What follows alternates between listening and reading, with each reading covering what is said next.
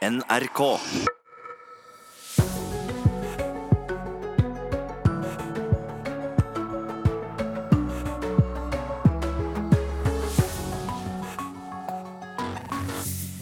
God morgen. I dag går mandatet ut for den norskledede internasjonale observatørstyrken i Hebron på Vestbredden etter mer enn 20 år. Hva betyr det egentlig for de som bor der? Pasienter ved Kringsjå sykehjem i Kristiansund har manglet både mat og medisiner, ifølge fylkeslegen. De ansatte har varslet gang på gang om uholdbare forhold for de som bor på sykehjemmet. Og kan du tenke deg å gå på kino for å se Amanda-prisutdelingen? Det må du i hvert fall hvis du vil se den. Det gjelder i hvert fall i år. For aller første gang på 30 år så blir den nemlig ikke vist på TV. Velkommen til Nyhetsmorgen. I studio i dag Silje Katrine Bjørkøy og Anne Jetlund Hansen. Luftkvaliteten i hovedstaden har blitt mye bedre. Nye beregninger viser at 10 000 innbyggere nå er rammet av farlig forurensning i Oslo, mot 200 000 i 2015. Og miljø- og samferdselsbyråd Lan Marie Berg tar gjerne en del av æren. Jeg tror at Det viktigste som vi gjør, er å innføre politikk som funker, sånn at lufta i Oslo blir rein. Og Det er det vi har gjort siden vi kom inn i 2015. Da har tallene på mennesker i Oslo som blir ramma av høy luftforurensning, gått fra 200 000 til 10 000 i 2018. Og det er jo et stort løft. Været og velgernes kjøreatferd bidro til at utslipp av helsefarlig NO2 fra eksos og svevestøv lå under grenseverdiene i fjor. Det viser tall fra Statens vegvesen og Oslo kommune. Men ansvaret for det deler dagens byråd med det forrige. Og Det har vi stått sammen om. Det ble startet av Høyre-byrådet. Og leder for Høyres bystyregruppe, Eirik La Solberg, sier det spesielt er én gruppe som har hovedæren for bedre luft i Oslo. Jeg er mest imponert over at innbyggerne har respondert, og at de har valgt å la bilen stå, reist kollektivt og kjøpt elbil. For historien om miljøbyen Oslo er egentlig historien om hvordan vi har lagt til rette for at innbyggerne kunne gjøre miljøvennlige valg. Og det er viktig at vi fortsetter med positive virkemidler. Differensierte bompenger, piggdekkavgift og bedre kollektivtilbud har også fått kjøringen ned. Det er bra for barna som leker ute, sier dagens byrådsleder Raymond Johansen fra Arbeiderpartiet. Og dette er jo også rett i nærheten. Her borte er en fotballbane, det er en skole, det er en barnehage. Dette er veldig nærme der unga beveger seg hver eneste dag. Så det er en pekepinn på hvilken luftkvalitet vi kan tilby barna våre, og hvilken risiko vi eventuelt utsetter dem for. Og senest i fjor vinter var det rød helsealarm for Oslo-luften mange dager i strekk.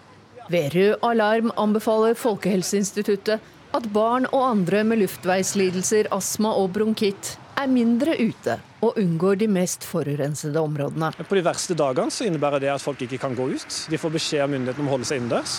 Det gjør at foreldre må være vekk fra jobb, det gjør at barn ikke får gå på skole engang. Og det er en utvikling vi ikke kan ha i denne byen vår. Astma- og Allergiforbundet applauderer utviklingen. Men rådgiver Hogne Skogesal sier at det fortsatt er behov for permanente og langsiktige tiltak. Den raske nedgangen skyldes en kombinasjon av en stadig renere kjøretøypark med flere elbiler og moderne lastebiler, og nedgang i antall passeringer i bomringen siden høsten 2017, da differensierte takster ble innført. Og ikke minst mer gunstige værforhold i 2018. Seniorforsker Dag Tønnesen ved Institutt for luftforskning mener det største potensialet for videre bedring av Oslo-luften er mindre kjøring, både av privatbiler og varetransport. Ja, jeg tror nok at uh, man måtte se litt på varedistribusjon. Og hvordan, uh, hvordan trafikken både av tunge og middels tunge kjøretøy uh, egentlig foregår. Reportere her var Hedvig Bjørgum og Åse Marit Befring.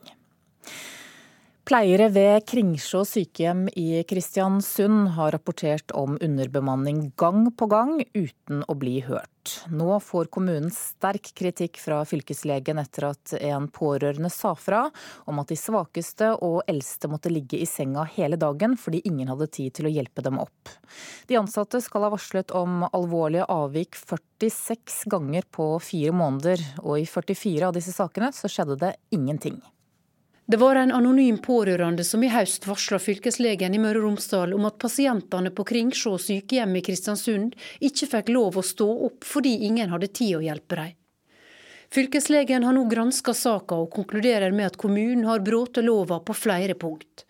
Rapporten viser til at pleierne skal ha varsla gang etter gang om at de ikke har hatt tid til å gi nok mat og medisiner. Generalsekretær Knut Kristian Høvik i organisasjonen Senior Norge syns det er forferdelig. Vi reagerer med avsky. Eh, I det helt klart med avsky. Det er helt forferdelig å lese at i verdens rikeste land anno 2019 eh, slike ting skjer. Høvik har lest tilsynsrapporten fra fylkeslegen og mener det er noe av det verste han har sett. Eldreminister Åse Michaelsen fra Fremskrittspartiet nøler ikke i sin kommentar sånne hendelser som dette det skal vi ikke ha noe av. Derfor er det bra at Fylkesmannen har konkludert da, eh, når dette skjer, eh, om pliktbrudd, og da også kan velge hvilke eventuelle sanksjonsmuligheter som skal være. Veldig viktig med læring. Veldig viktig at kommunene nå skjerper seg på dette området, og jeg forventer at de leverer en god eldreomsorg der ute. Forholdene på Kringsjå sykehjem ble avdekt kort tid etter at den nye eldrereformen ble lansert. Den har som overordna mål å gjøre eldre trygge på at de skal få god hjelp når de har behov for det. En av de pårørende på Kringsjå omtaler reformen som bare tøv. Vedkommende vil ikke stå fram med sin kritikk av Kringsjå. Det gjør heller ingen andre av de NRK har snakka med. Men pasient- og brukerombud Runar Finnvåg tar bladet fra munnen. Det er særdeles alvorlig. Det er sjelden vi ser at det blir avdekt så omfattende svikt i eh, helse- og omsorgstjenesten. Hvor viktig er det for å rydda opp i disse forholdene? Det er veldig viktig å få rydda opp raskt i de forholdene som er avdekt. Og det er jo fordi at dette går utover pasientene. Ifølge rapporten fra fylkeslegen varsler de ansatte om alvorlige forhold til lita nytte. I løpet av fire måneder skal de ha meldt fra om avvik 46 ganger, men i 44 av sakene ble avvikene lukka uten at noe ble gjort, skriver fylkeslegen i sin rapport. Kristiansund kommune vil ikke kommentere saka. De har fått utsatt frist til 15.2 med å gi fylkeslegen svar, og vil ikke si noe til NRK før den tid. Og reporter her, det var Synnøve Hole.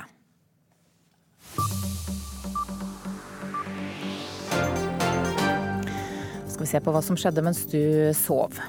En mann blir nå behandlet på sykehuset Østfold etter å ha blitt skutt i hodet hjemme i leiligheten sin i Sarpsborg i natt. Mannen i 20-årene skal ha forklart at han ble oppsøkt av ukjente maskerte personer. Politiet ble varslet etter at mannen oppsøkte en nabo for å få hjelp. En 61 år gammel mann ble henrettet i Texas i natt. Henrettelsen er årets første i USA. Robert Mitchell Jennings var dømt til døden for å ha drept en politimann i forbindelse med et ran for mer enn 30 år siden. En domstol avviste den siste anken hans tidligere denne uken. 25 personer ble henrettet i USA i fjor, 13 av dem i delstaten Texas. De store demonstrasjonene i Venezuela fortsetter nå. Demonstrantene protesterer mot sittende president Nicolás Maduro, som selvutnevnte midlertidige presidenten Juan Guaidó snakket med USAs president Donald Trump på telefon i går kveld. Og i dag skal EUs utenriksministre diskutere situasjonen i landet. Dette får du vite mer om dersom du følger med på NRK Nyheter utover dagen i dag. Det statlige japanske atomenergiselskapet Tepco skal i dag fortelle hva som er situasjonen ved atomkraftverket Fukushima åtte år etter den store ulykken i 2011. Over 18 000 mennesker mistet livet da Japan ble rammet av en voldsom tsunami etter et kraftig jordskjelv. Tre reaktorkjerner ved atomkraftverket Fukushima smeltet ned, og det medførte utslipp av radioaktive stoffer. Så er det sånn at overgangsvinduet i fotball stenger i dag. Og det betyr altså at det er frist, siste frist for å melde overganger i fotballen. Og da får vi også vite hvem klubbene har lånt, lånt bort, kjøpt eller solgt. Vi skal fortsatt snakke litt om sport, men nå langrenn. I dag starter nemlig NM på ski i Meråker i Trøndelag. Det kan bli viktigere enn på lenge for to av fjorårets aller beste langrennsløpere, nemlig verdenscupvinner Heidi Weng og dobbelt OL-mester Ragnhild Haga.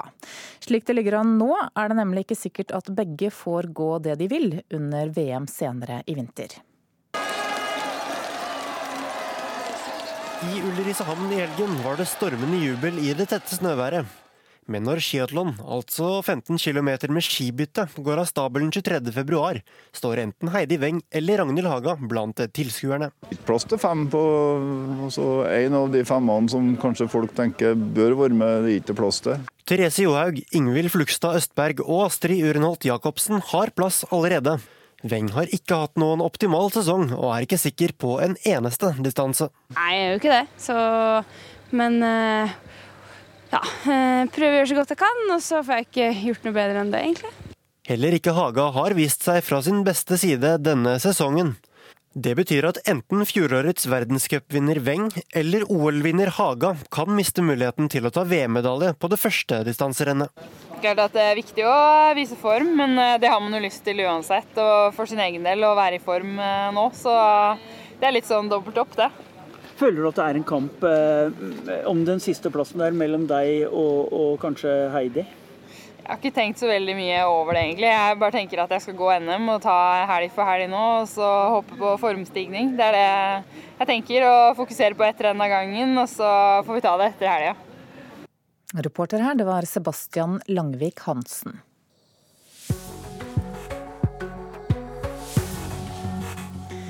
6.45 er klokka straks. Du lytter til Nyhetsmorgen i NRK. Dette er noen av hovedsakene hos oss. En verge underslo penger fra to funksjonshemmede brødre. Staten vil ikke betale erstatning fordi vergen døde. En mann er skutt i Sarpsborg. Ingen er pågrepet, og politiet etterlyser tips.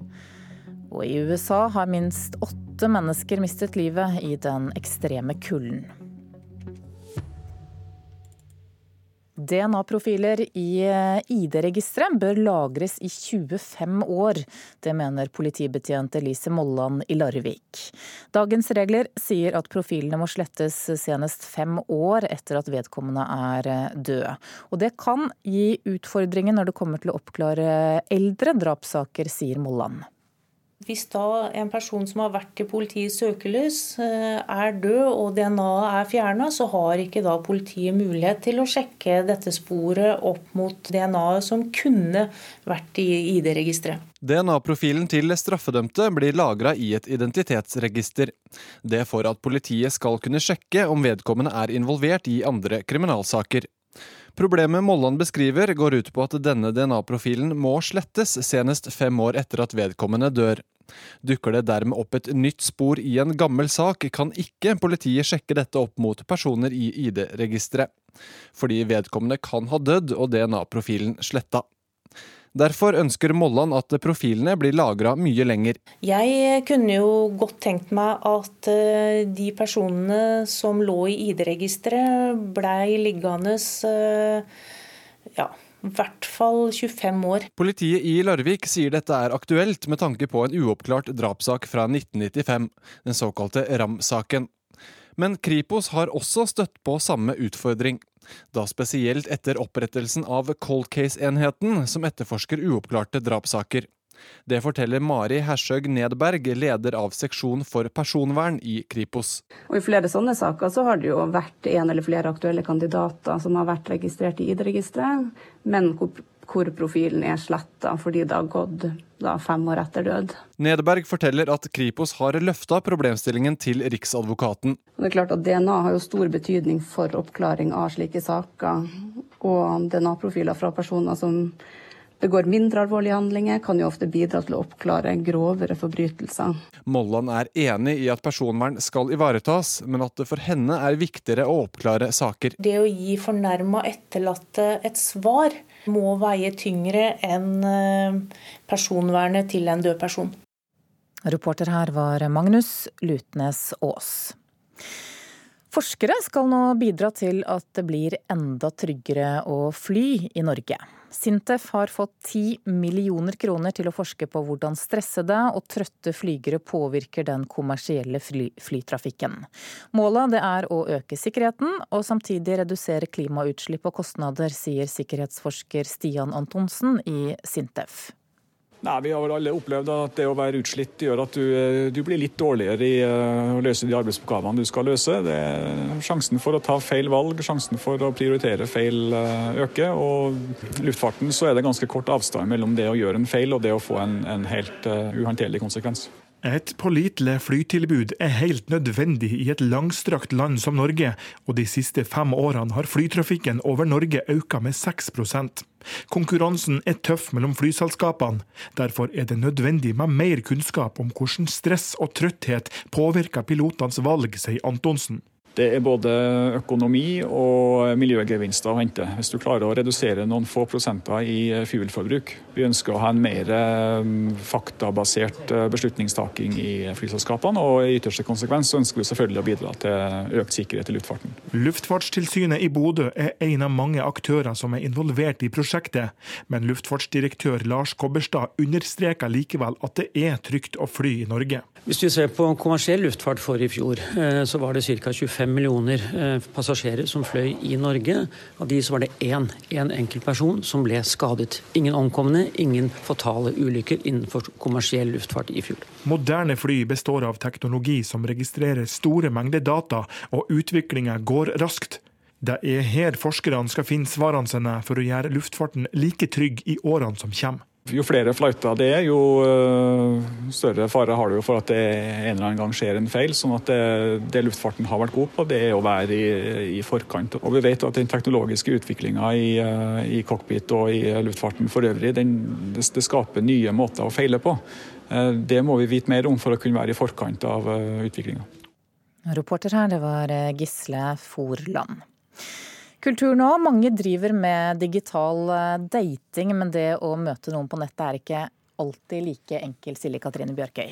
Nei, eh, Ellen Sofie Lauritzen datet eh, digitalt i ett år. Og hun skrev også en bok om det hun opplevde, og noen opplevelser de satte dypere spor enn andre. Igjen og igjen opplevde hun å bli avvist helt uten forklaring. Hun opplevde å bli såkalt ghostet eller rett og slett oversett. Nå er hun bekymret over hvor vanlig ghosting er blitt blant unge mennesker som dater via sosiale medier. Det er vel ghostingen som jeg syns er noe av det verste, da. Altså det å bli ignorert er jo ikke noe særlig. Flere ganger opplevde forfatter Ellen Sofie Lauritzen å bli avvist helt uten forklaring. Hun ble ghostet. Plutselig sluttet han hun hadde møtt på date å svare på meldingene hennes, samtidig som hun kunne se at daten var aktiv på alle andre sosiale medier. Uten forklaring ble det stille. Så det er den der sånn nagende følelsen at ok, gjorde jeg noe gærent nå, eller hvorfor, hvorfor hører jeg ikke noe? Jeg ser jo at han er pålogga på Messenger og på Tinder og på Instagram. Eh, så, så dette med å bli ghosta, det er jo ikke noe nytt, men det nye som mange av oss opplever nå, da, det er at vi ser liksom at det skjer. Og det kan liksom gjøre ekstra vondt, for da vet vi jo at de sannsynligvis har sett eh, livstegna våre. Ellen Sofie Lauritzen er ikke den eneste som har fått oppleve å bli ghostet. Elever ved Oslo OsloMet kjenner godt til fenomenet, og opplever at ghosting har blitt mer og mer sosialt akseptert. Siden det er så mange som gjør det, så er det liksom en vanesak. Eh, og det er vanlig at noen ghoster hvis hvis de ikke er interessert. Jeg snakket faktisk om det med en venninne for litt siden som ikke hadde lyst til å, eh, lyst til å si at hun ikke ville møte personen igjen. Og hun tenkte at det var bare bedre å la det bare flyte ut. Det å bli avvist vekker mange vonde følelser hos oss mennesker. Det vet psykolog Andreas Løes Narum alt om. Konsekvensene av å ghoste noen kan potensielt være mer skadelig enn den som avviser, vet om. Jeg tror ikke de som ghoster mener vondt. Men eh, jeg tror de kan gjøre mye mer vondt enn de, de har trodd. Altså de, de, prøver bare å slippe et ubehag. Ubehaget ved å avvise noen. Og så tenker de kanskje at det er da mindre behagelig for den som blir avvist, men det kan være helt omvendt. Det kan være sånn at Hvis du da ghoster noen, så, for, så forårsaker du ganske stor skade. Så stor skade at vedkommende du ghoster, kanskje ikke tør å nærme seg kjærlighetsmarkedet da, på ganske lenge. Det var ganske vondt og litt Eh, eller veldig frustrerende. Når du blir på en måte dumpa eller vraka eller valgt bort, så får du som regel høre det. Kanskje ikke får en begrunnelse, men du får en 'sorry, dette funker ikke'. Og Det er jo også vondt, men når du blir ghosta, så får du ikke den beskjeden. Du er liksom nødt til å finne ut av det på egen hånd. Du skjønner jo at personen ikke er interessert, for da hadde jo han eller hun svart på meldingene dine. Det gjør vondt å avvise noen, men elevene ved Oslo OsloMet synes det å ghoste er enda verre. Jeg syns det er ganske uhøflig. Det skal ikke så mye til, hvis man tenker seg om, da, å snakke med en person om hva man helt ærlig mener. Selv om det også kan være ubehagelig å høre. Reporter her var Vibeke Sederquist.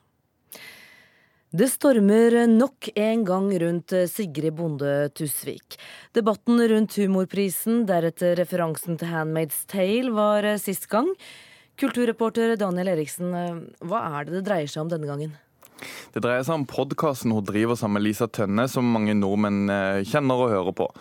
Tusvik og Tønne heter den. Det begynte egentlig i går med at eh, skribent Erle Marie Sørheim gikk ut og kalte podkasten for en verbal gapestokk i VG. Sørheim mener Tusvik og Tønne driver med grov harselas av folk som ikke får forsvare seg. og Likevel så får podkasten nå støtte fra Morten Hegseth i VG.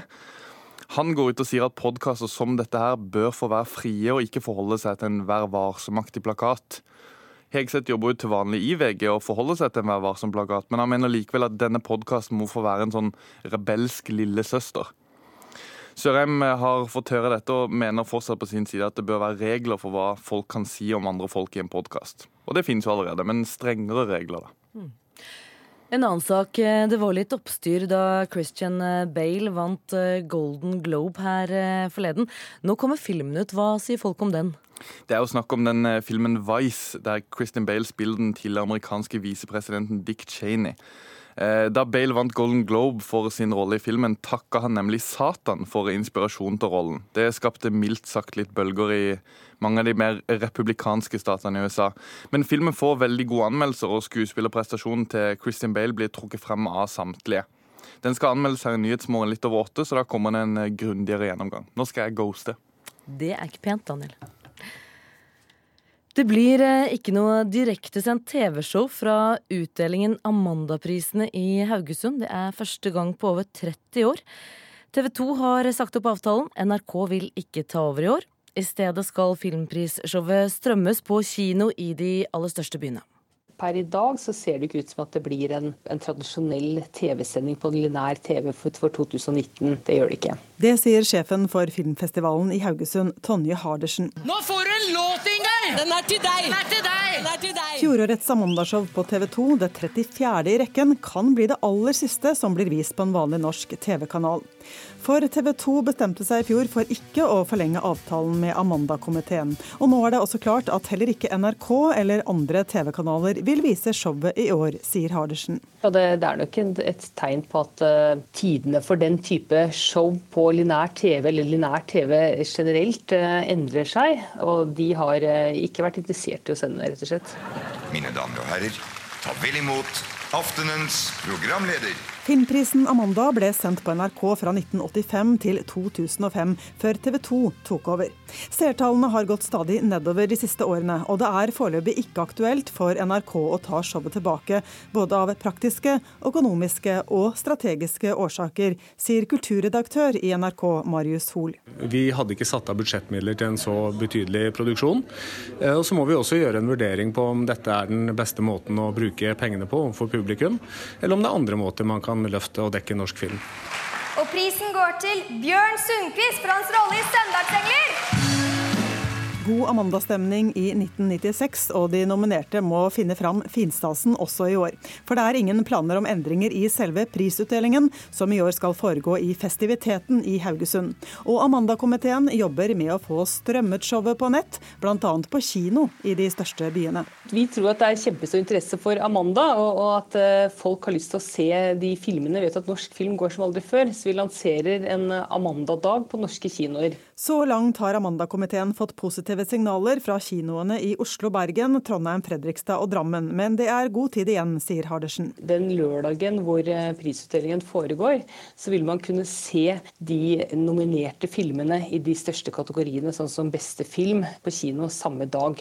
Og så kan de som ønsker det, følge eh, selve prisutdelingen direkte strømmet på i en kinosal i den byen de er, hvis de ikke da er så heldige å være i Haugesund. Velkommen til Cirkus i Stockholm og Svenska Filminstituttets Guldbaggegala. Mandag sendte NRKs søsterkanal i Sverige, SVT, to timer direkte fra utdelingen av Sveriges versjon av Amandaprisen, Gullbaggen. Og Marius Hoel utelukker ikke at Amandaprisen kan komme tilbake på NRK i framtida, i en eller annen form. Det må vi gjøre en større vurdering av. Eh, det er jo sånn at det skjer utrolig mye fint i norsk film for tiden, og det er jo stas at det markeres med en eh, gallaforestilling eller Amanda-prisutdeling. Men hvorvidt den passer å sendes på TV, et så stort, omfattende show, det må vi vurdere nærmere. Så det vil tiden vise. Reporter her var Anette Johansen Espeland. Klokka nærmer seg sju. Vi skal straks ha Dagsnytt her i Nyhetsmorgen. Etter det skal vi snakke om dette brødreparet i Trondheim. Altså et funksjonshemmet brødrepar som har tapt 130 000 kroner etter at vergen deres underslo penger. Vergen døde kort tid etter at dette her ble oppdaget, og spørsmålet er da hvem er det som har ansvaret for dette her? Norsk forbund for utviklingshemmede er gjest her i Nyhetsmorgen, og vi skal høre hva de sier om dette her.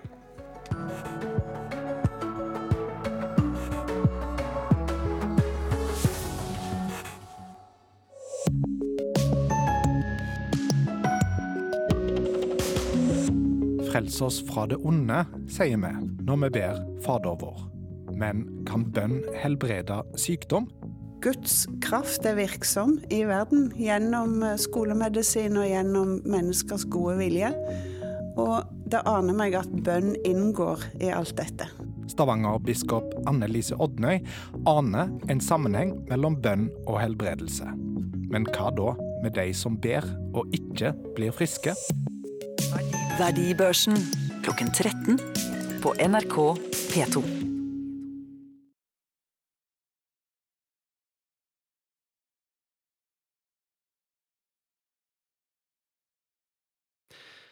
Gang på gang så skal pleierne ved Kringsjå sykehjem i Kristiansund ha slått alarm om uverdige forhold. Nå får kommunen sterk kritikk av fylkeslegen. Pleierne skal ha vært så få på jobb at de ikke hadde tid til å gi nok mat og medisiner til alvorlig syke pasienter, og de eldste og svakeste har blitt liggende i sengene sine hele dagen. Pasient- og brukerombudet i Møre og Romsdal, Runar Finnvåg, har nesten ikke hørt om verre forhold. Det er særdeles alvorlig. Det er sjelden vi ser at det blir avdekt så omfattende svikt i helse- og omsorgstjenesten. Hvor viktig er det å få rydda opp i disse forholdene? Det er veldig viktig å få rydda opp raskt i de forholdene som er avdekt. Og det er jo fordi at dette går utover pasientene. Reporter her Synnøve Hole. Politiet jakter på flere personer som skal ha skutt en mann i en privatbolig i Yven i Sarpsborg i går kveld. Mannen har hodeskade, men er utenfor livsfare. Han har forklart at han ble oppsøkt av flere maskerte personer, og at det ble skutt. Politiet har tatt et foreløpig avhør av fornærmede, men det har ikke ført til identifisering av gjerningspersoner. Luftkvaliteten i hovedstaden er på vei til å bli friskmeldt. Nye beregninger viser at antallet som lever, farlig, lever, i farlig luft nå er nede i 10 000 innbyggere, og det er en bratt nedgang fra 200 000 Oslo-borgere i 2015.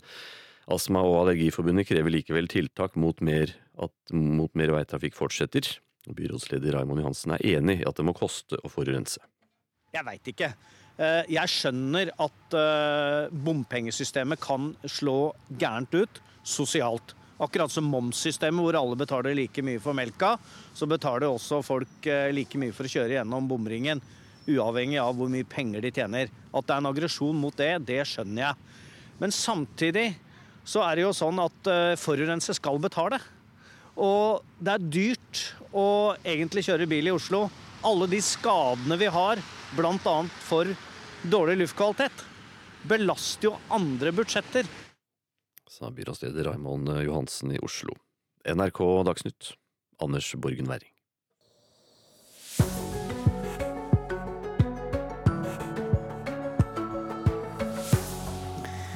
Det tok litt tid før vi fikk Dagsnytt på lufta her i Nyhetsmorgen, men vi er altså på plass, og vi skal snakke om bl.a. disse sakene den neste halvtimen. Minst åtte personer har mistet livet i den ekstreme kulden som har nådd USA fra Arktis.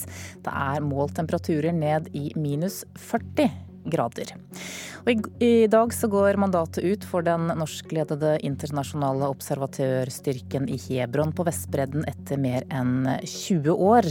Vi spør hva det egentlig betyr for de som bor der.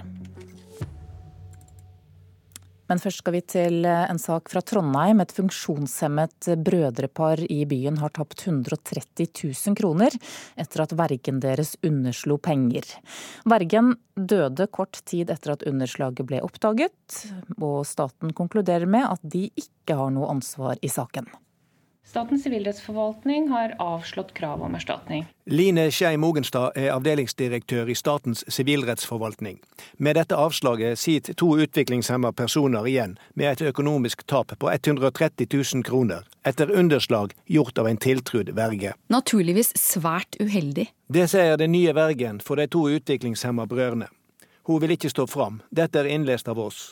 Men det første hun gjorde, var å søke staten om erstatning til de to brødrene. Som verge må jeg ta de grep jeg som verge kan ta for å gjøre jobben for mine klienter. For så å motta avslaget. Ja, jeg har forståelse for at det kan virke urimelig. Samtidig så kan ikke staten betale ut erstatning med mindre det er erstatningsgrunnlag. For saka er gjennomgått grundig, sier Skei Mogenstad. Det vi har kontrollert i denne saken, er om Fylkesmannen har fulgt de lover og regler som gjelder. Og vi har ikke kunnet avdekke at det er gjort noe feil fra Fylkesmannens side. Og det er kun hvis Fylkesmannen har opptrådt forsettlig og uaktsomt at man har krav på erstatning. Den avdøde vergen hadde ei ledende stilling i det offentlige, og hadde vært verge i ett år da regnskapen rutinemessig ble gjennomgått av Fylkesmannen i Sør-Trøndelag. Da oppdaga en at det mangla dokumentasjon på bruken av 240 000 kroner. Fylkesmannen purra på vergen.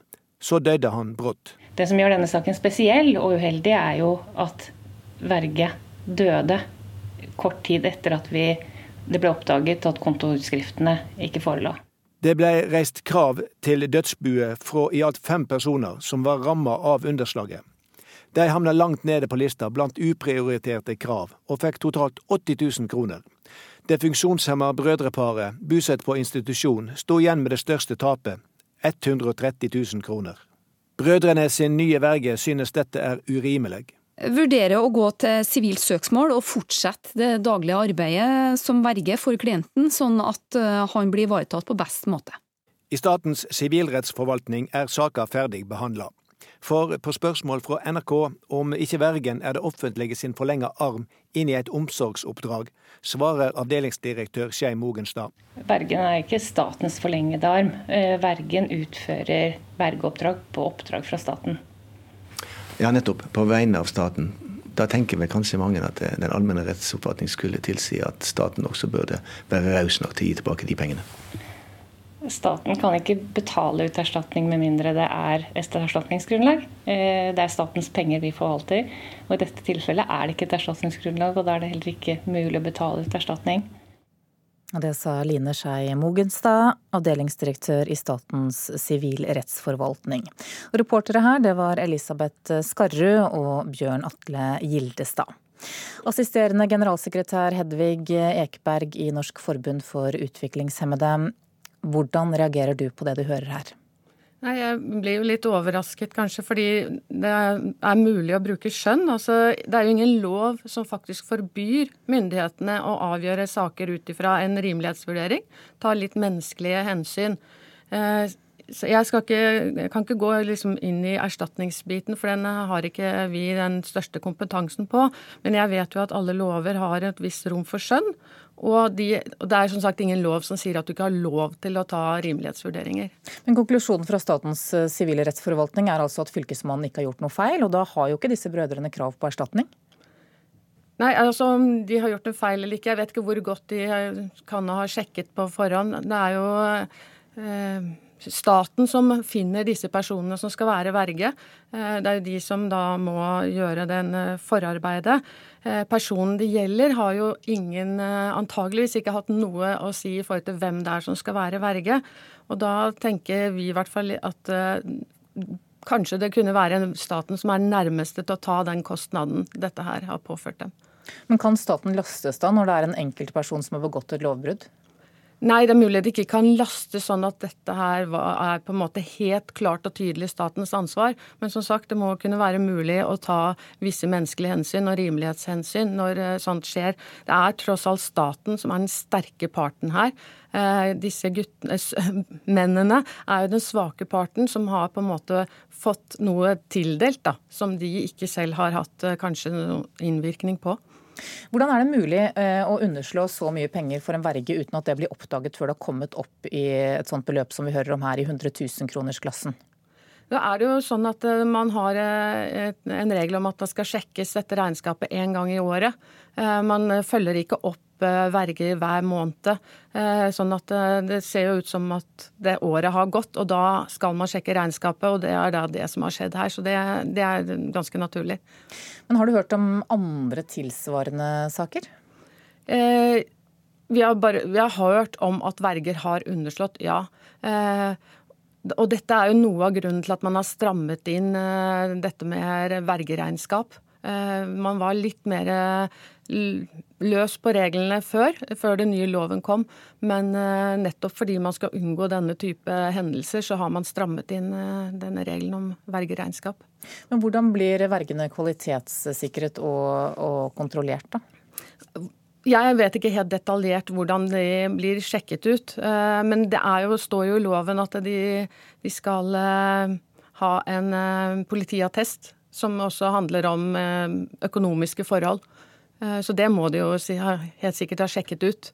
Eh, ellers så vet ikke jeg hvor nøye de går inn i på en måte tidligere forhold eller som ikke er straffesaker. da. Nå sier jo den nye vergen at hun på vegne av disse to brødrene vurderer et sivilt søksmål mot staten. Hvordan ser du på det? Jeg ville nok ha vært eh, skeptisk. På grunnlag av erfaringer så vet jeg at det å møte myndighetene, enten stat eller kommune, det er vanskelig og tungt og utrolig Skal mye til før man kan vinne frem mot eh, myndighetene. Det er, eh, det er en kamp mot Goliat. Det er det. Men mener du at jussen, sånn som i denne saken, da bør settes til, til side? Jeg, jeg, tenker jo at staten i hvert fall kunne komme dem noe i møte. da, Så kunne de se på hva er det de kan eh, bidra med. Nettopp fordi staten er den sterke part her. Og de to mennene er Eh, mennesker som da sikkert ikke har så store midler. Eh, sånn at man vil, burde kunne komme frem til en løsning. Assisterende generalsekretær Hedvig Ekeberg i Norsk forbund for utviklingshemmede, takk for at du kom hit til Nyhetsmorgen.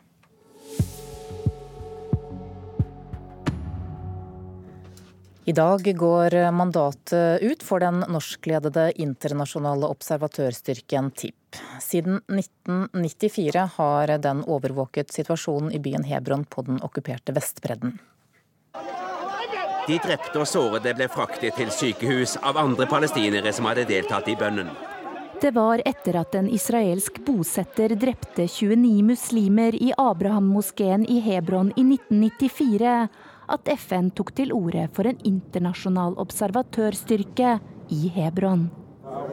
Det begynte så vakkert, nesten som en piknik på landet. Ubevæpnede observatører kledd i splitter nye hvite uniformer iførte seg armbind og vester på en høyde utenfor Hebron. 8. mai 1994 var de første på plass. Folk har vinket oss og ønsket oss eh, eh velkommen. Observatørgruppen ledet av Norge har siden med sitt nærvær forsøkt å gi palestinere i Hebron en følelse av sikkerhet, så de kan bevege seg fritt. Israel kritiserer styrken for å være partisk pga. deres rapporter om det styrken mener er israelske overgrep mot palestinere i Hebron. Det sa reporter Charlotte Bergløf. I sentrum av Hebron så bor det 500 israelske bosettere, mens totalt 220 000 palestinere holder til i byen. Og Israels statsminister Benjamin Netanyahu har altså gjort det klart at styrken ikke lenger trengs. Seniorrådgiver Marte Heian Engdahl i Norsk senter for internasjonal konfliktløsning, god morgen. God morgen. Du har jo vært i Hebron flere ganger. Hvordan er situasjonen der i øyeblikket? Eh, jeg har vært der på besøk, aldri bodd der. Men eh, selv når man er der bare innom for en dag, så er, har Hebron alltid vært, eller det, det, er en by det er stor strid om. Og sånn som dagliglivet er der nå, så er det, eh, som reportasjen eh, hinter til, så var man, sant, man er der for å eh, observere, og dermed med sin tilstedeværelse, sin, å være et internasjonalt vitne, være en slags beskyttelse for den palestinske befolkninga. I det så ligger det jo at det, i tillegg til dem eh, noen hundre bosetterne, som du sa, så er det jo en veldig sterk militær tilstedeværelse fra den israelske hæren. Og det er jo det som gjør den situasjonen ekstra spesiell. Den er selvfølgelig eh, ikke ulik resten av situasjonen på Vestbredden for øvrig, men i, Hebron så er det på en måte destillert ned der, eh, til et sånn eh, skikkelig heksegryte. Der det er en spøkelsesby der den palestinske handlegata pleide å være. Der eh, det er stor beveg, altså bevegelsesfriheten for palestinerne er ikke tilstedeværende. Det er vansker eh, for unger å komme seg til skolen på lettest mulig måte, for folk å få helsehjelp osv. Så, videre. så det griper inn i hverdagen. Eh, og så er det ikke minst en voldelig hverdag, da. Både pga. bosetterne, som av og til går til angrep på palestinerne, eh, og pga. at hæren er der med sin mektige tilstedeværelse. da. Men Spiller det noen rolle da om disse observatørene er der eller ikke? Det er en observatørstyrke som har fått kritikk fra begge hold. Eh, det har blitt kritisert eh, fra israelsk hold for å altså Man har vært egentlig Israelerne er ikke så glad i å ha en sånn internasjonal styrke eller tilstedeværelse i det hele tatt. Og palestinske kritikken, eller eh, ja, hvis man kan dele inn i de to grove kategoriene, så har det vært at det er en tannløs. ikke sant? Som sier har, hva er vitsen med å ha en observatørstyrke uten mulighet til å gripe inn og de kan jo bli bevitne til, store, til voldsomme maktovergrep eh, eller voldelige hendelser der de må stå og notere med notatblokka si. Men det er jo likevel, tror jeg, eh, helt sikkert at det her har, det har spart liv. Eh, og det har hindra eskalering. Det gjør noe at det står noen og kikker på også. Men når det er sagt, så er det selvfølgelig sånn at det, den internasjonale tilstedeværelsen som TIP har vært i Hebron, det er en liten bandasje på et blodig skuddsår. Eh, så det har aldri kunnet løst situasjonen likevel. Men hvilke konsekvenser får det da eh, nå at eh, den ikke skal være til stede lenger? Jeg tror det er selvfølgelig det er fare for å være alarmistisk og som roper at det her blir krise, det her blir krise. Det er mange Normaliteten tvinger seg fram på de underligste plasser. Så kanskje går det bra, men det vi vet er jo at Hebron, observatørstyrken har eh, rapportert her er jo bakgrunnen for utkastinga. er jo at eh, Det har lekka en rapport eh, til israelsk media der man avdekker ikke sant, for det, Tilstedeværelsen er én ting, og så er det rapportering på hendelser som er det andre. Så det vi vet, er jo at det er eh, over 40 000 hendelser som er rapportert inn. Det er jevnlige eh, og altså regelmessige og alvorlige brudd på folkeretten som begås eh, i Hebron.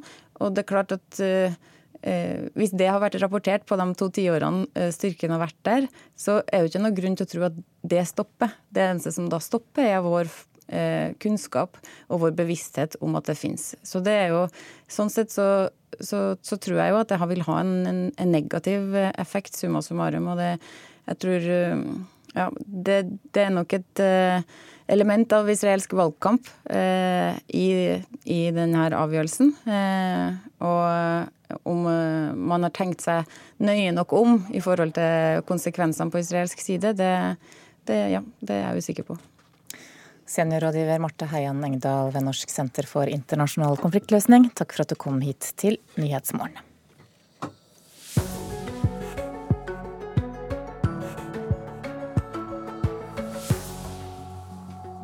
7.17 er eh, klokka blitt. Du lytter altså til Nyhetsmorgen i NRK. Dette er eh, hovedsaker hos oss. Verge underslo penger fra to funksjonshemmede brødre. Vergen døde, og staten vil ikke betale erstatning. Politiet leter nå etter flere personer som eh, skal ha skutt en mann i en privatbolig i Sarpsborg i natt. Mannen har hodeskader, men er utenfor livsfare. Og minst åtte personer har mistet livet i den ekstreme kulden som har nådd USA fra Ariktis. Det er målt temperaturer ned i minus 40. Kvart på åtte. Om en liten halvtime så er det Politisk kvarter. Programleder Bjørn Myklebust, hva skal det handle om hos deg i dag? I går var det den store debatten om regjeringsplattformen i Stortinget. Opposisjonen liker den dårlig. Regjeringen mener opposisjonen svartmaler. Same procedure as every year. Men det nye er jo KrF, og dette var første møte med stortingssalen som regjeringsparti. Og jeg har invitert KrFs og FrPs ferske finanspolitiske talspersoner hit i dag. De må klare å leve sammen med ganske forskjellig syn på hvordan alle løftene skal innfris. Kvart på åtte. Kvart på åtte. 7.45 her i Nyhetsmorgen i NRK. Skal videre til Venezuela nå, der den politiske situasjonen er svært spent i øyeblikket. De siste timene så har det vært store demonstrasjoner. Demonstrantene protesterer mot sittende president Nicolas Maduro.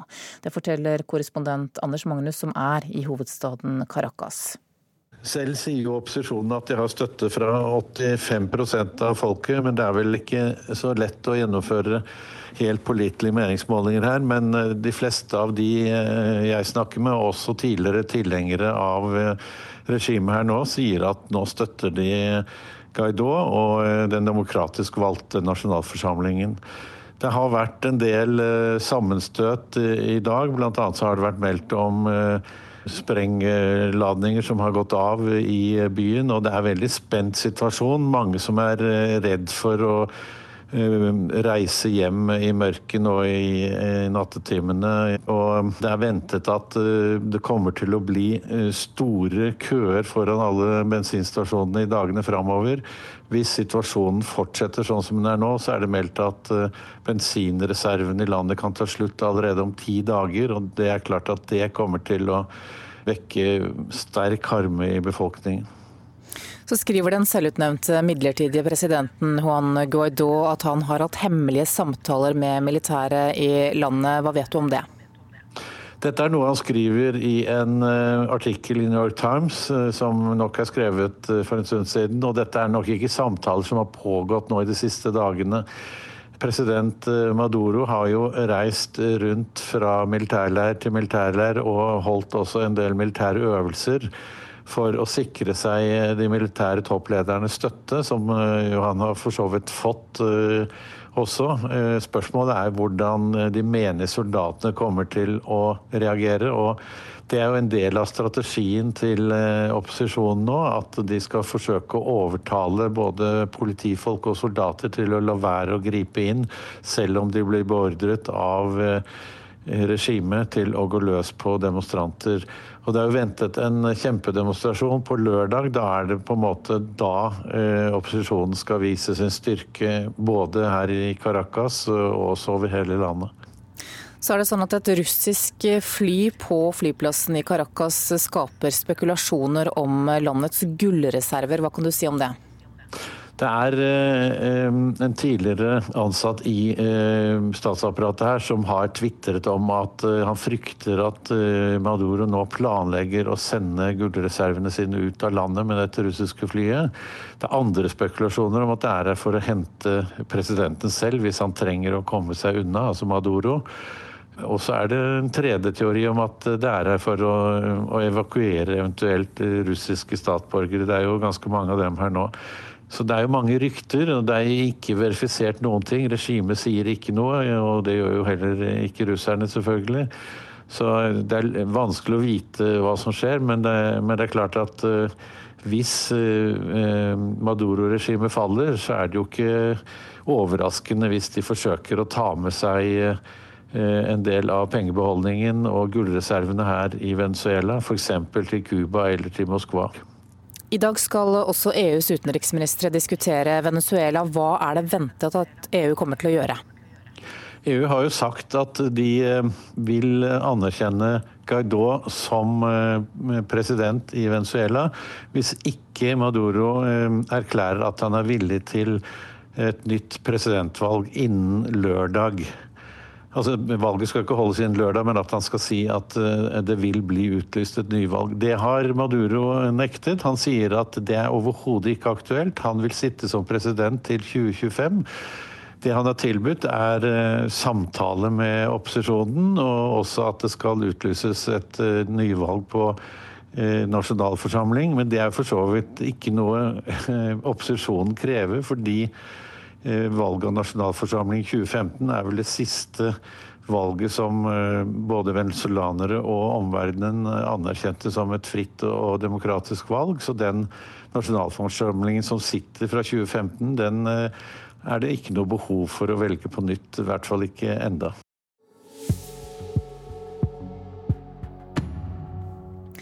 Skal videre til eh, USA nå. Minst åtte personer har mistet livet i den ekstreme kulden som har nådd USA fra Arktis. Det er målt temperaturer ned i minus 40, og vinden er brutal. I think the word cold is not uh, a proper way to define it. It's just unbelievably cold, and um, the wind chill is just super brutal. Superbrutalt, hørte vi her. Eh, kollega Marit Kolberg, du har fulgt med på denne kuldebølgen dette er rett og slett langt over normalen. Ja, selv for folk i denne delen av USA, for de er vant til ekstrem kulde inne i dette flate innlandslandskapet som man finner i Midtvesten. Og nå kaller folk Chicago for Siberia, eller Siberia, ville vi kanskje sagt. Eh, og det er ventet at gamle kulderekorder blir slått. Og det er ikke til å spøke med, som du nevner. Minst åtte mennesker er døde av skader og trøbbel relatert til denne kulda.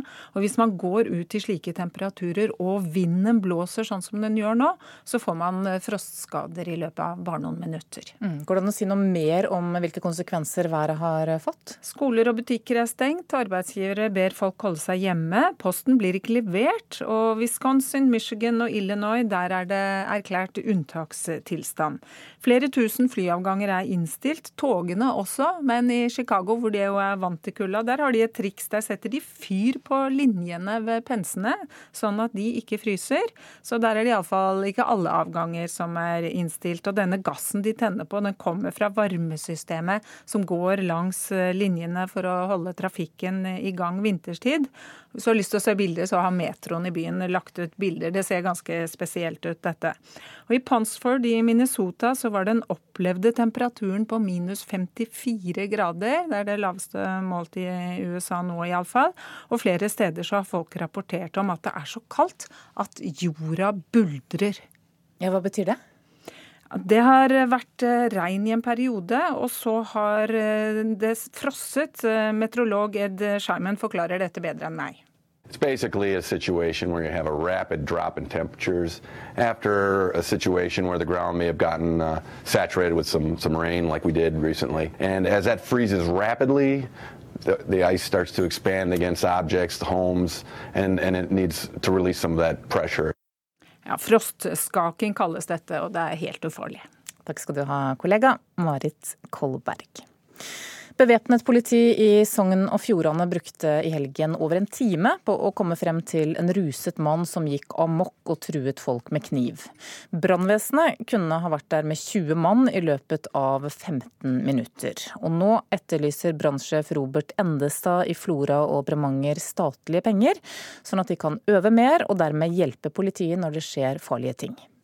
Ja, jeg, jeg tenker jo det er klart, så Hvis du ser situasjonen i Kalvåg på Rorbuen der med masse bruk gjennom hele året. Jeg kunne, jeg kunne hatt uh, eh, 20 mann der i løpet av et kvarter uh, som kunne ha bistått på et eller annet vis. Så klart at eh, Vi er en veldig god ressurs uh, ute i Distrikts-Norge, uten tvil. Sist søndag morgen fikk politiet flere telefoner om at en krakilsk mann hadde knust ei vindusdør og trua folk med kniv i bygda Kalvåg i Bremanger. Det ble da vurdert om brannvesenet skulle sendes ut, siden næreste patrulje var i Florø. Det ble ikke gjort, og det gikk over en time før den farlige mannen var arrestert, forteller Wenche Hope i Florø-politiet. Vi eh, vurderer det som en vellykka aksjon fra politiets side. Eh, gjerningsmannen ble pågrepet uten dramatikk og uten eh, at han fikk påført noen store skader. Patruljen til politiet rykker ut fra Florø, og det tar litt over en time fra vi får melding om at det er bruk av kniv der, til politiet har fått pågrepet gjerningspersonen. Forstår du at det vil stille spørsmål ved responstida, når det tross alt tar en time fra noe alvorlig skjer til politiet er på plassen og kan gripe inn? Ja, det er helt naturlig at det blir stilt spørsmål eh, ved det. Men i Sogn og Fjordane er nok avstandene eh, såpass store at eh, vi i gressgrendte strøk ofte vil oppleve at det kan ta en time før politiet er på stedet. De siste åra har tusenvis av norske brannfolk fått opplæring i å hjelpe politiet i situasjoner med pågående livstruende vold, såkalte PLIVO-aksjoner. Men med trange kommunebudsjett blir det vanskelig å få satt av nok tid og penger til å holde beredskapsnivået høyt nok oppe for brannvesenet, mener brannsjef Robert Endestad. Nei, Vi ser jo det. Vi blir jo brukt til det meste etter hvert. Både politioppgave og helseoppdrag. og Vi skal være forberedt på alt. Men klart at i en Plivo så krever det en god eh, utdannelse og øvelse jevnlig for å, å være med og bistå i en sånn sak. Og det, det er ofte ikke eh, vi gode nok på. og eh, så er det sånn at eh, Vi blir pålagt, pålagt alle disse oppgavene, men det følger jo ikke med noe midler fra staten til å få verken øvd eller utdanna folk på dette. Så Det er jo et, noe som vi ikke er veldig fornøyd med, egentlig. Det gikk tross alt bra søndag morgen. For medan fullt bevæpna politi var på vei i båt fra Florø til Kalvåg, hadde den krakilske mannen sovna. NRK har vært i kontakt med han som ble trua med kniv, men han vil foreløpig ikke si noe. Brannsjefen er uansett tydelig på at det vil komme nye situasjoner der politiet vil ha bruk for hjelpa fra lokale brannfolk. Jeg synes det bør komme statlige midler for å ta opp eh, så vi kan legge det inn i øvelsesplanene våre og planlegge land politiet og øve årlig. For dette er noe som vi ser dessverre kommer mer og mer av, eh, vold og sånne situasjoner som vi må bistå i. Så det er helt klart nødvendig for oss å øve på det. Reporter her, det var Geir Bjarte Jetland. Klokka nærmer seg 7.30 her i Nyhetsmorgen. Du skal straks få Dagsnytts um, hovedsending. Og etter det så skal du få møte en langrennsløper som er utøver i en slags enmannsklubb. I dag starter NM i Meråker i Trøndelag, og han er på vei dit.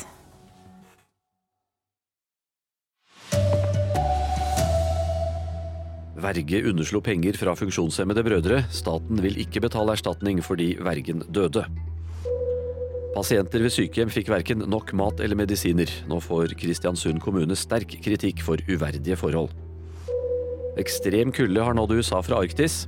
Minst åtte personer har mistet livet. Her er NRK Dagsnytt, klokka er 7.30.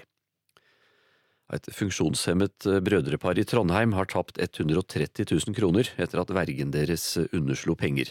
Vergen døde kort tid etter at underslaget ble oppdaget, og nå slår staten fast at de ikke har noe ansvar i saken. Statens sivilrettsforvaltning har avslått krav om erstatning. Line Skei Mogenstad er avdelingsdirektør i Statens sivilrettsforvaltning. Med dette avslaget sitter to utviklingshemma personer igjen med et økonomisk tap på 130 000 kroner, etter underslag gjort av en tiltrudd verge. Naturligvis svært uheldig. Det sier den nye vergen for de to utviklingshemma brødrene. Hun vil ikke stå fram, dette er innlest av oss. Men det første hun gjorde, var å søke staten om erstatning til de to brødrene. Som verge må jeg ta de grep jeg som verge kan ta for å gjøre jobben for mine klienter. For så å motta avslaget. Ja, jeg har forståelse for at det kan virke urimelig. Samtidig så kan ikke staten betale ut erstatning med mindre det er erstatningsgrunnlag. For saka er gjennomgått grundig, sier Skei Mogenstad. Det vi har kontrollert i denne saken, er om Fylkesmannen har fulgt de lover og regler som gjelder. Og vi har ikke kunnet avdekke at det er gjort noe feil fra Fylkesmannens side. Den avdøde vergen hadde ei ledende stilling i det offentlige, og hadde vært verge i ett år da regnskapen rutinemessig ble gjennomgått av Fylkesmannen i Sør-Trøndelag. Da oppdaga en at det mangla dokumentasjon på bruken av 240 000 kroner. Fylkesmannen purra på vergen. Så døde han brått. Det som gjør denne saken spesiell og uheldig, er jo at verge døde det ble reist krav til dødsbue fra i alt fem personer som var ramma av underslaget. De havna langt nede på lista blant uprioriterte krav. Det funksjonshemma brødreparet, bosatt på institusjon, sto igjen med det største tapet, 130 000 kroner. Reportere her Elisabeth Skarru og Bjørn Atle Gildestad. Pleierne ved Kringsjå sykehjem i Kristiansund slo alarm om underbemanning gang på gang uten å bli hørt. Nå får kommunen sterk kritikk fra fylkeslegen etter at en pårørende slo alarm om at de svakeste og eldste ikke fikk lov til å stå opp fordi ingen hadde tid til å hjelpe dem. De ansatte skal ha varslet om alvorlige avvik 46 ganger på fire måneder. I 44 av sakene ble avvikene lukket uten at noe ble gjort. Det var en anonym pårørende som i høst varsla fylkeslegen i Møre og Romsdal om at pasientene på Kringsjå sykehjem i Kristiansund ikke fikk lov å stå opp fordi ingen hadde tid å hjelpe dem. Fylkeslegen har nå granska saka og konkluderer med at kommunen har brutt lova på flere punkt. Rapporten viser til at pleierne skal ha varsla gang etter gang om at de ikke har hatt tid til å gi nok mat og medisiner. Generalsekretær Knut Kristian Høvik i organisasjonen Senior Norge syns det er forferdelig. Vi reagerer med avsky. Eh, I det helt klart med avsky. Det er helt forferdelig å lese at i verdens rikeste land anno 2019 eh, slike ting skjer. Forholdene på Kringsjå sykehjem ble avdekt kort tid etter at den nye eldrereformen ble lansert. Den har som overordna mål å gjøre eldre trygge på at de skal få god hjelp når de har behov for det. En av de pårørende på Kringsjå omtaler reformen som bare tøv. Vedkommende vil ikke stå fram med sin kritikk av Kringsjå. Det gjør heller ingen andre av de NRK har snakka med. Ifølge rapporten fra fylkeslegen varsler de ansatte om alvorlige forhold til lita nytte. I løpet av fire måneder skal de ha meldt fra om avvik 46 ganger, men i 44 av sakene ble avvika lukka uten at noe ble gjort, skriver fylkeslegen i sin rapport. Kristiansund kommune vil ikke kommentere saka. De har fått utsatt frist til 15.2 med å gi fylkeslegen svar, og vil ikke si noe til NRK før den tid. Sa reporter Synnøve Hole. I dag går mandatet til den norskledede internasjonale observatørstyrken TIP i Hebron på den okkuperte Vestbredden i Israel ut. Styrken har vært i byen siden 1994, eh, men eh, nå blir den altså kastet ut. Seniorrådgiver Marte Heian Engdahl i Norsk senter for internasjonal konfliktløsning forklarer at en rapport som er laget av styrken og lekket til media, er noe av grunnen til eh, utkastingen. Det vi vet er jo at det er eh, over 40 000 hendelser som er rapportert inn. Det er jevnlige eh, og altså regelmessige og alvorlige brudd på folkeretten som begås eh, i Hebron. Og det er klart at hvis det har vært rapportert på de to tiårene styrken har vært der, så er det ikke noe grunn til å tro at det stopper. Det eneste som da stopper, er vår kunnskap og vår bevissthet om at det finnes. Så det er jo, sånn sett så, så, så tror jeg jo at det vil ha en, en, en negativ effekt, summa summarum. og det, jeg tror ja, det, det, er nok et uh, element av israelsk valgkamp eh, i, i denne avgjørelsen. Eh, og om man har tenkt seg nøye nok om i forhold til konsekvensene på israelsk side, det, det, ja, det er jeg usikker på. Så skal det handle om eh, USA, for minst eh, åtte personer har mistet livet i den ekstreme kulda som har eh, nådd kontinentet fra Arktis. Det er målt temperaturer ned i minus 40, og vinden den er brutal. I think the word cold is not uh, a proper way to define it. It's just unbelievably cold, and um, the wind chill is just super brutal. Ja, du har fulgt med på denne kuldebølgen, kollega Marit Kolberg, for dette er langt over normalen. Ja, folk i Chicago kaller byen for Shiberia, eller Shiberia ville kanskje vi sagt nå, og det er ventet at gamle kulderekorder kommer til å bli slått. Minst åtte mennesker er døde av skader eller problemer relatert til denne kulda. For hvis man går ut i slike temperaturer og vinden blåser, så får man frostskader etter bare minutter. Skoler og butikker er stengt, arbeidsgiverne ber folk holde seg hjemme, posten blir ikke levert. Wisconsin, Michigan og Illinois, der er det erklært unntakstilstand, og flere tusen flyavganger er innstilt, og det samme gjelder togavganger.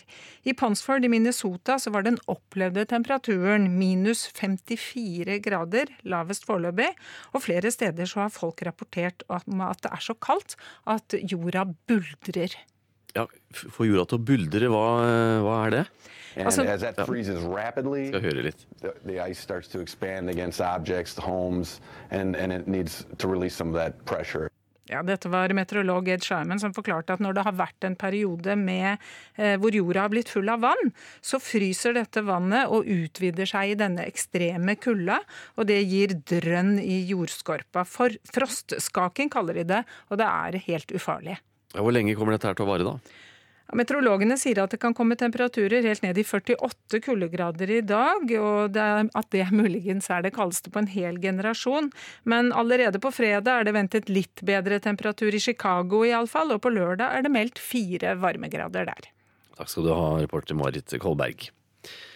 Luftkvaliteten i hovedstaden er på vei til å bli friskmeldt. Nye beregninger viser at antallet som lever i farlig luft nå er nede i 10 000 innbyggere. Det er en bratt nedgang fra 200 000 Oslo-borgere i 2015. Ikke alle er enige, men det er på grunn av oss, sier miljø- og samferdselsbyråd Lan Marie Berg. Jeg tror at Det viktigste som vi gjør, er å innføre politikk som funker, sånn at lufta i Oslo blir rein. Og Det er det vi har gjort siden vi kom inn i 2015. Da har tallene på mennesker i Oslo som blir ramma av høy luftforurensning, gått fra 200 000 til 10 000 i 2018, og det er jo et stort løft. Været og velgernes kjøreatferd bidro til at utslipp av helsefarlig NO2 fra eksos og svevestøv lå under grenseverdiene i fjor. Det viser tall fra Statens vegvesen og Oslo kommune. Men ansvaret for det deler dagens byråd med det forrige. Og Det har vi stått sammen om. Det ble startet av Høyrebyrådet. Og leder for Høyres bystyregruppe, Eirik La Solberg, sier det spesielt er én gruppe som har hovedæren for bedre luft i Oslo. Jeg er mest imponert over at innbyggerne har respondert, og at de har valgt å la bilen stå, reist kollektivt og kjøpt elbil. For historien om miljøbyen Oslo er egentlig historien om hvordan vi har lagt til rette for at innbyggerne kunne gjøre miljøvennlige valg. Men det er viktig at vi fortsetter med positive virkemidler. Astma- og Allergiforbundet applauderer utviklingen. Men rådgiver Hogne Skogesal sier at det fortsatt er behov for permanente og langsiktige tiltak. Poenget er jo ikke å finne det ene tiltaket som løser problemet, det er å sette sammen alle disse tiltakene. Så er det summen av det og den langsiktige effekten av det som vil bidra til at dette problemet forsvinner over tid. Reportere her, det var Hedvig Bjørgum og Åse Marit Befring. I dag er det Erlend Rønneberg som har ansvaret for NRK Dagsnytt. Jeg heter Anders Borgen Werring.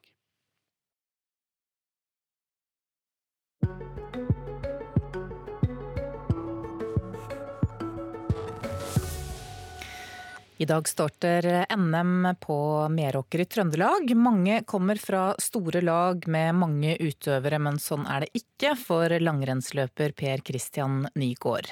Han er nemlig den eneste aktive skiutøveren fra den lille idrettsklubben i kommunen han kommer fra. Jeg heter Per Christian Nygaard, og jeg går for Vestre Spone. Vestre Spone, ja. Ja. Det er ei lita bygd i Målum kommune som har et idrettslag som har én aktiv skiløper, og det er meg. Per Christian Nygaard tar den siste treningsturen før han skal gå NM på Meråker. Og selv om han bor rett ved skistadionet i Drammen, er han ikke i tvil om hva som er klubben i hans hjerte. Nei, Det er jo der jeg kommer fra. da, og Jeg syns det er stas å representere det, den plassen jeg kommer fra. Det er bare det at han er den eneste aktive skiløperen i Vestre Spone. Han begynte i klubben da han var liten, men så falt alle de andre av. Det var, jo, det var, jo, litt miljø før, ja. Men det har jo blitt mindre og mindre. Og de siste, siste ja, vet ikke, fem, seks, sju, åtte åra så har jeg vært satsa Eller jeg har vært aleine. I fjor gikk det riktig så bra for Per Christian Nygaard, den ensomme mannen fra den bitte lille klubben uten andre langrennsutøvere. Da tok han overraskende sølv på 15 km, og da var det vanskelig å holde tårene tilbake. Her står Per Kristian Nygaard og kikker på tidene. Gratulerer så mye med NM-sølv. Ja, tusen takk for det. Nei, det er uvirkelig, egentlig. Det er, det, her.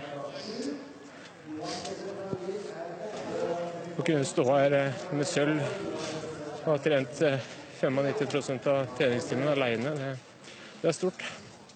Så det var stort, stort, i fjor når jeg tok sølv i NM og, og, gjorde det for Vestre Spone idrettsforening. Da, for det, det syns jeg var stort. Da. Men jeg, jeg, har i hvert fall hørt rykter om at det, folk syns det er, er stas at det, at det, står Vestre Spone idrettsforening på skjermen når, vi, når det er langrenn på TV-en. For nå er han klar igjen. 15 km klassisk torsdag og 3 mil lørdag. Og han er ganske unik. Skiforbundet sier at det bare er noen veldig få som er eneste aktive langrennsløper i en klubb. Torunn Brattvoll, nyhetsredaktør i lokalavisa Bygdeposten, sier at de heier skikkelig på den eneste skiløperen i klubben. Han har jo um, vært en supergod reklame for Vestre Spone i veldig mange år. Så han har gjort uh, Vestre Spone idrettsforening kjent uh, over hele Norge. Han må jo ha en utrolig vilje, tenker jeg, som uh, orker å legge ned så mye på egen hånd. Men når du går da, ikke sant, for Vestre Spone på Meråker nå, kjenner du liksom at du har et sånt bankende hjerte for bygda di da, eller? Ja, jeg gjør egentlig det. For det, jo liksom, det er jo noen litt større klubber som på en måte har, har prøvd å få meg over for å kunne lage et, et bra stafettlag og sånne ting. Da. Men, men jeg har hele tida hatt mål om jeg har hatt en drøm om å ta medalje i NM for Vestre Spone idrettsforening. Formen er han spent på. Den har vært kranglete denne sesongen. Likevel er det én utfordring som kan bli vanskelig å løse. Så har vi også meldt på staffetlag, men jeg er usikker på om vi, vi har tre mann. Så hvem har du rota sammen til staffetlaget nå da? Nei, det er, det er naboen? Ja, det blir jo nesten sånn. da. Altså, for noen, en del år siden, når det var NM på Kongsberg, så hadde vi en, en, en lokal eh, patriot som stilte til start, som var Jeg vet ikke hvor gammel han var da, ja. han var vel rundt 50 år kanskje. Så, så det spørs om vi må ringe han nå. Han har bikka 60, men ja. Hva heter han? Carl Gjelstad. Han er ivrig, ivrig patriot på Vestre Spone. Ja. ja, så hvis han hører på nå, så er det bare ja. å kjøre på. Ja, ja. bare å komme seg oppover til Meråker. Ja. Reporter på skistadion, det var Karoline Bekkelund Hauge. Hvordan det går med Per Christian Nygaard og de andre deltakerne i NM, det kan du følge med på her i NRK utover dagen.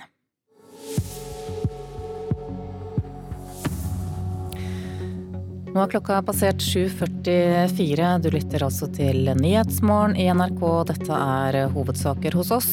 Verge underslo penger fra funksjonshemmede brødre, men staten vil ikke betale erstatning fordi vergen døde. Pasienter ved sykehjem fikk verken nok mat eller medisiner. Nå får Kristiansund kommune sterk kritikk for uverdige forhold. Og ekstrem kulde har nådd USA. Minst åtte har mistet livet. Nå får du Politisk kvarter her i Nyhetsmorgen. Programleder er Bjørn Myklebust.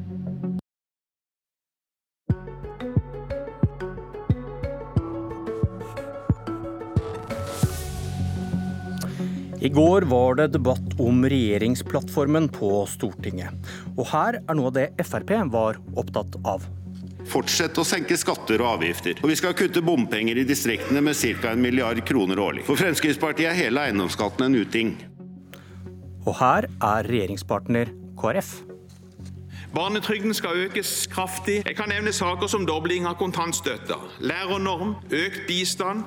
Lista kunne vært mye lenger. Ja, det kunne den. Og så var dette selvfølgelig slem og dypt urettferdig klipping, men det skal munne ut i et spørsmål. Frp pluss KrF, går det regnestykket opp? Og jeg ønsker velkommen til to helt nye finanspolitiske talspersoner for Kristelig Folkeparti. Tore Storhaug, som tar over for Kjell Ingolf Ropstad, som ble statsråd. Og Sivert Bjørnstad fra Fremskrittspartiet, som tar over for Helge André Njåstad, som vel ikke ble statsråd. Velkommen til Politisk kvarter, begge to. Jo, takk for det. God morgen. Dere skal beherske den edle kunsten å forsvare kompromissene i regjeringens plattform, og samtidig vise fram deres eget partis primærpolitikk. Lykke til.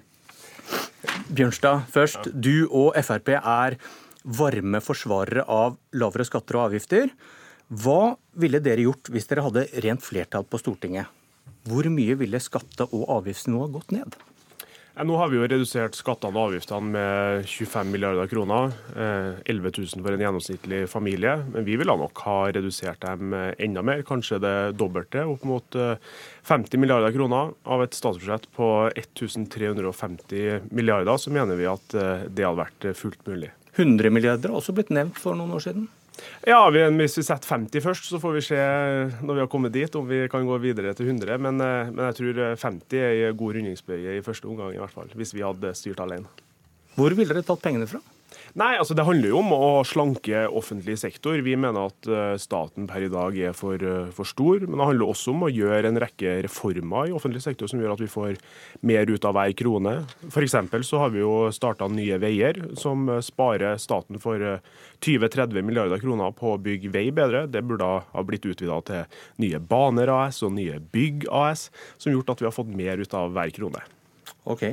Eh, du hadde flammende innlegg mot eiendomsskatt i går, som mange kommuner har. Mm. Den feigeste måten å drive politikk på, sa du, fordi man da slipper å prioritere. Og at noen forsøker å få dette til å handle om at eiendomsskatt er nødvendig for å finansiere velferd, det er helt feil.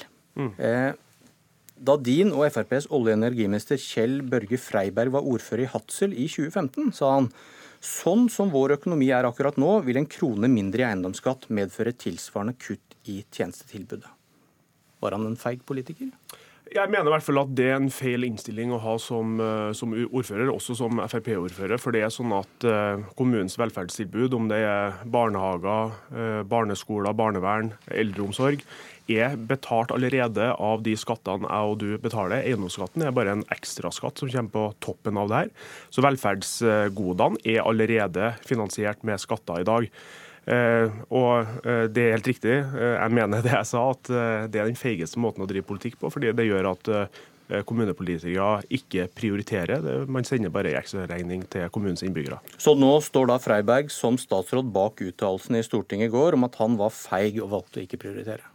Jeg regner med at Freiberg står bak regjeringserklæringa som sier at vi skal kutte videre i eiendomsskatten. Vi har kutta promillen fra sju til fem, og nå skal vi videre ned til fire. Det betyr at eh, en tredel av de kommunene som har eiendomsskatt i dag, må kutte i eiendomsskatten, til glede for de innbyggerne i de kommunene. Bruken av oljepengene, hva ville et Frp med rent flertall gjort med handlingsregelen? Nei, Vi ville nok ha investert uh, enda litt mer i eget land, i uh, samfunnsøkonomisk lønnsomme investeringer. Eh, Rusta opp en del veier, baner. Bygd nye bygg som kunne ha gjort at vi i framtida hadde fått større inntekter, i stedet for å, å bruke så mye penger i utlandet gjennom oljefondet. Hvordan ville dere betalt for en fregatt som sank? Nei, vi ville nok ha, ha brukt penger fra, fra, oljefondet på å ha gjort det. Eh, fordi det er ekstraordinære kostnader. I stedet for å kutte ned 4-5 milliarder på, på, resten av Forsvaret når vi skal finansiere en fregatt, så mener vi at det hadde vært bedre at en sånn ekstraordinær investering hadde vært tatt over oljefondet. Og I regjeringsplattformen står det nå at dere skal vurdere å betale for slike skader og tap utenfor handlingsregelen. Bruke ekstra oljepenger uten å kutte et annet sted i budsjettet som må være en stor seier for Frp?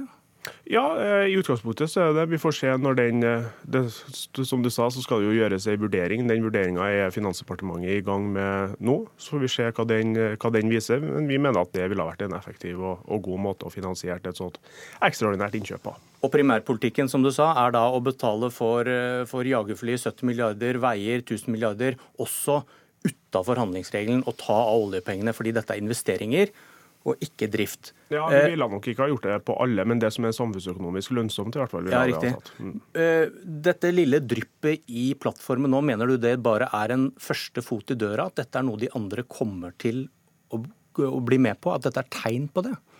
Jeg er ikke noe spåmann og kan heller ikke svare for de andre partiene. Men, eh, men hvis det viser seg å være vellykka, så selvfølgelig så er, det, så er vi åpne for for å utvide. Tidligere sentralbanksjef Gjedrem og NHOs sjefsøkonom Dørum advarer kraftig mot denne måten å tenke på. Dette er faktiske utgifter som har fulle virkninger i norsk økonomi. Da skal det etter budsjettreglene dekkes av løpende inntekter, sier Svein Gjedrem. Dørum, jeg er nok av den mening at dette burde vært tatt over streken. Et nytt regjeringskvartal til 15 milliarder kroner vil utvilsomt påvirke norsk økonomi. Dette gjaldt altså, altså fregatten og regjeringskvartalet, som dere nå åpner for å betale under strek.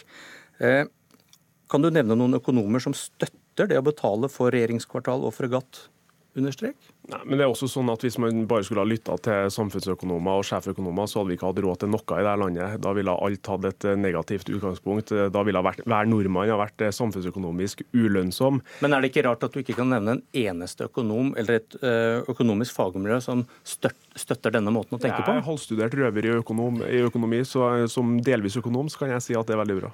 Du definerer deg selv som et økonomisk fagmiljø. Kan du nevne noen økonomiske fagmiljøer som støtter FrPs syn på bruk av oljepenger til veier, veiinvesteringer, jagerfly, som er liksom selve kongstanken deres? Nei, men jeg kan ikke komme på mange økonomer som mener det motsatte heller. Og det her blir jo en debatt. Unnskyld, eh, det motsatte må vel være at man prior, prioriterer. Jo, at man tar det på budsjettet her, og må velge noe annet bort for her, å bygge vei. Det blir jo en debatt fremover når Finansdepartementet har utreda om det her er en hensiktsmessig måte å finansiere de her utgiftene på. Da er jeg helt sikker på at vi kan komme tilbake til både jo, meg og mange økonomer som har synspunkter på akkurat det her. Ja, men Dette var et spørsmål om FrPs eh, primærpolitikk. da. Kan mm. du nevne noen økonomiske fagmiljøer som støtter dere i synet på at det ikke er negativt for Jeg, jeg kjenner til veldig få økonomiske fagmiljøer. Okay. Eh, så jeg verken for eller mot eh, fagmiljøer som verken er for eller mot. Så jeg vet ikke av noe, noe miljø. OK, vi får eh, appellere ut der. Jeg har ikke, har ikke hørt om noen, jeg heller. Eh, ser du paradokset da, for å avslutte, i et kommuner som ikke klarer å prioritere, men velger eiendomsskatt, de er feige. Men en regjering som bruker oljepenger på fregatt for å slippe å prioritere noe annet ned, ikke er feige. Jeg mener at Den store forskjellen er at uh, i kommunene som skriver ut eiendomsskatt, så, så legger man hele regninga over på kommunens innbyggere. Det gjør vi ikke ved å ta det fra, fra oljefondet. Da bruker du de pengene som kommer til å generere inntekter i, framtida. Når man skriver ut eiendomsskatt i kommunene, så går det direkte inn på driftsbudsjettet, som er noe helt annet enn å gjøre store, viktige investeringer som har avkastning i framtida. Men hvorfor er det feil når kommunene ikke prioriterer, men ikke når regjeringen prioriterer? Ikke prioriterer? Jo, akkurat pga. det jeg sier. at man, Det er en helt eh, åpenbar forskjell på at uh, i kommunene så sender man regninga videre over til innbyggerne. Men problemet her er at man ikke klarer å prioritere, da er det vel helt likt? Nei, det er ikke det. fordi det handler også om hvordan man finansierer de ulike tiltakene. og Da mener vi at det er bedre at det tas fra oljefondet, som ikke rammer enkeltinnbyggere, uavhengig av deres inntekt eller hvor mye de har i banken, bare for at de bor i et hus. Eh, vi mener at, at eiendomsskatten er direkte usosial. Vi tar ikke hensyn til hva folk eh, eier og har, eh, hva man tjener. Eh, og Derfor så mener vi at det er en uverdig måte å drive lokalpolitikk på. Så, Tore Storhaug, KrF. Hvis KrF hadde 51 av velgerne i ryggen og flertall og kunne bestemme alt, hvordan hadde dere betalt for alle satsingene dere ønsker å gjennomføre? Jeg tror at I en sånn situasjon så hadde vi nok hatt et skattetrykk som var omtrent sånn som eh, eh skattetrykket er i dag. Eh, og så syns jeg nok òg at unnskyld, unnskyld, hva hadde dere i alternativt budsjett for 2019? Der har vi jo foreslått en del påplussinger og en moderat avgift- og skatteøkning. 9 milliarder? Stemmer nok, da. Det er vel ikke det samme som du sa nettopp, at dere vil ha det samme som i dag? Da eh, kan du for så vidt ha, ha rett i, eh, men det jeg syns er bra med det alternative budsjettet, er jo at det viser jo en reell evne til å prioritere. Og så er nok det, eh, de ni milliardene i det tilfellet her handler jo òg om at det er en ganske stor barnereform, eh, som egentlig handler om ei direkte omfordeling. og Jeg vil argumentere for at det iallfall kan delvis ses på som noe annet enn å bare heve skatte- og avgiftstrykket, fordi det ville gitt tilbake til familiene, og ville gitt tilbake til familiene i den fasen av livet der handlingsrommet er, er minst for dem. Men til det, til denne kraftige økningen i barnetrygden, som koster da milliarder. Sitat, KrF foreslår å finansiere vår økning i barnetrygden med noe økt skatt på alle med høyere inntekter. Det er deres primærforslag. Men dere har nå skrevet under på at skatter og avgifter skal ned, og det blir ikke økt skatt på alle med høyere inntekter som kan betale for dette. Og hvem er det som betaler for det da? Erfaringa de siste åra tilsier jo at vi har klart å finne fram til gode forlik i de siste fem statsbudsjettene, der vi har hatt moderate og beskjedne skattelette og likevel funnet god rom for KrF sine prioriteringer for å løfte familiene mye. Senest i det budsjettet som det alternative budsjettet du nå viste til, så klarte en jo å finne den største påplussinga nettopp til i barnetrygd, på samme tid som en klarte å få på plass eh, gode og målretta skatteletter for å sørge for at vi òg har et bredere skattegrunnlag, som òg er viktig for å sørge for at vi har velferd i framtida, og at bedriftene våre skaper verdier. Men til de reelle budsjettene og til denne plattformen, når dere da ikke får til deres ønske om at økt skatt på de med høyere inntekter skal finansiere barnetrygden, hvem er det som betaler da? Da er jo det noe som en er nødt til å se på eh, når en ser hva økonomisk handlingsrom en har i den tida som, som er framover. Da må vel alle betale for det, da, også de med lavere inntekter? Det er jo poenget. Da er det en skjerping som kommer til å være der storsamfunnet bidrar, og de som da blir prioritert, og som en har spissa inn i den plattformen, er de barnefamiliene som har de minste ungene. Hvorfor ikke ta det under strek? God, god investering å investere i barna? Nå eh, jeg tror jeg Sivert forklarte veldig godt at dette her handler om ekstraordinære tilfeller. At eh, det her i det hele tatt skal, skal være en sak som blir vurdert. Og jeg tror nok eh, de aller fleste skjønner at det skal være et unntak. Ja, er du, er du, med er du, vurdering skal være, er KrF, unntak. Ja. er KrF for dette grepet? Å, å betale for fregatt og regjeringskvartal under strek? Utenfor prioritering? Vi står inne for regjeringserklæringa som sier at dette er noe som en ønsker å vurdere. Diplomatisk. Eh, syns dere selv det høres ut som Frp pluss KrF er et regnestykke som går opp i lengden? Jeg tror det kan gå veldig bra. Jeg. Folk brukte jo å si om eh, Høyre og KrF at når Høyre og KrF samarbeider, så eh, kan KrF lære Høyre at eh, livet handler om mer enn penger og verdiskaping, og Høyre kan lære KrF at livet òg handler om det. Og Litt sånn må det jo bli med meg og Sivert òg nå. Spill hverandre gode, da. Og så skal jeg minne Sivert om at eh, god politikk handler òg om å lage trygge familier og investere i ungene og i den delen av det bærekraftige velferdssamfunnet. Så kan Sivert stille meg noen kritiske spørsmål om alle avgifter og skatter er helt målretta for å få til det. Men for å få dette til å gå opp, Bjørnstad, når du hører deg selv da liksom vil dra Dere vil ha skatt- og avgiftslette, får til litt, litt mer, mer nå, og så vil dere opp mot 50-100 milliarder sånn ideelt sett. Og så har du KrF som ønsker seg dyr satsing på, på barn og vil finansiere det med skatteøkning. Hvis du ser litt inn i glasskula, hvordan skal dette finansieres på sikt? Nei, altså For oss er det ikke noe alternativ å, å øke, øke det, det samlede skatte- og avgiftstrykket. Så Jeg tror, jeg tror løsninga er at vi må gå gjennom kritisk hva staten faktisk bruker penger på. Jeg tror det vil være en dårlig idé for eksempel, å opprette et eh, kringkastingskor i årene framover som koster et par hundre millioner kroner, som eh, til og med NRK er kritisk til. Så er der, allerede der har vi spart et par hundre millioner som vi heller kan bruke på barnefamiliene eller på skattelettelser. Ingen kommentar til det, men eh, eller, dere, eller dere må til å begynne å se på må vi bruke fra oljefondet hvis vi skal satse på ny velferd. Nei, jeg mener, jeg mener ikke at vi skal basere oss på det. Jeg mener at vi skal basere oss på reformer, velferdsreformer i offentlig sektor. Blant annet så tror jeg at eh, min generasjon og Tore sin generasjon jeg tror at vi er nødt til å jobbe mer og lenger i framtida. Jeg, tror ikke- jeg tror ikke det er et alternativ for oss i framtida å gå av når vi er 62 år. Så en del sånne vanskelige diskusjoner kommer til å komme i årene framover. Det er jeg helt sikker på. Sivert Bjørnstad, Tore Storhaug, lykke til i nye verv. Jo, takk for det. Og takk for at dere kom til Politisk kvarter, som i dag var ved Bjørn Myklebust.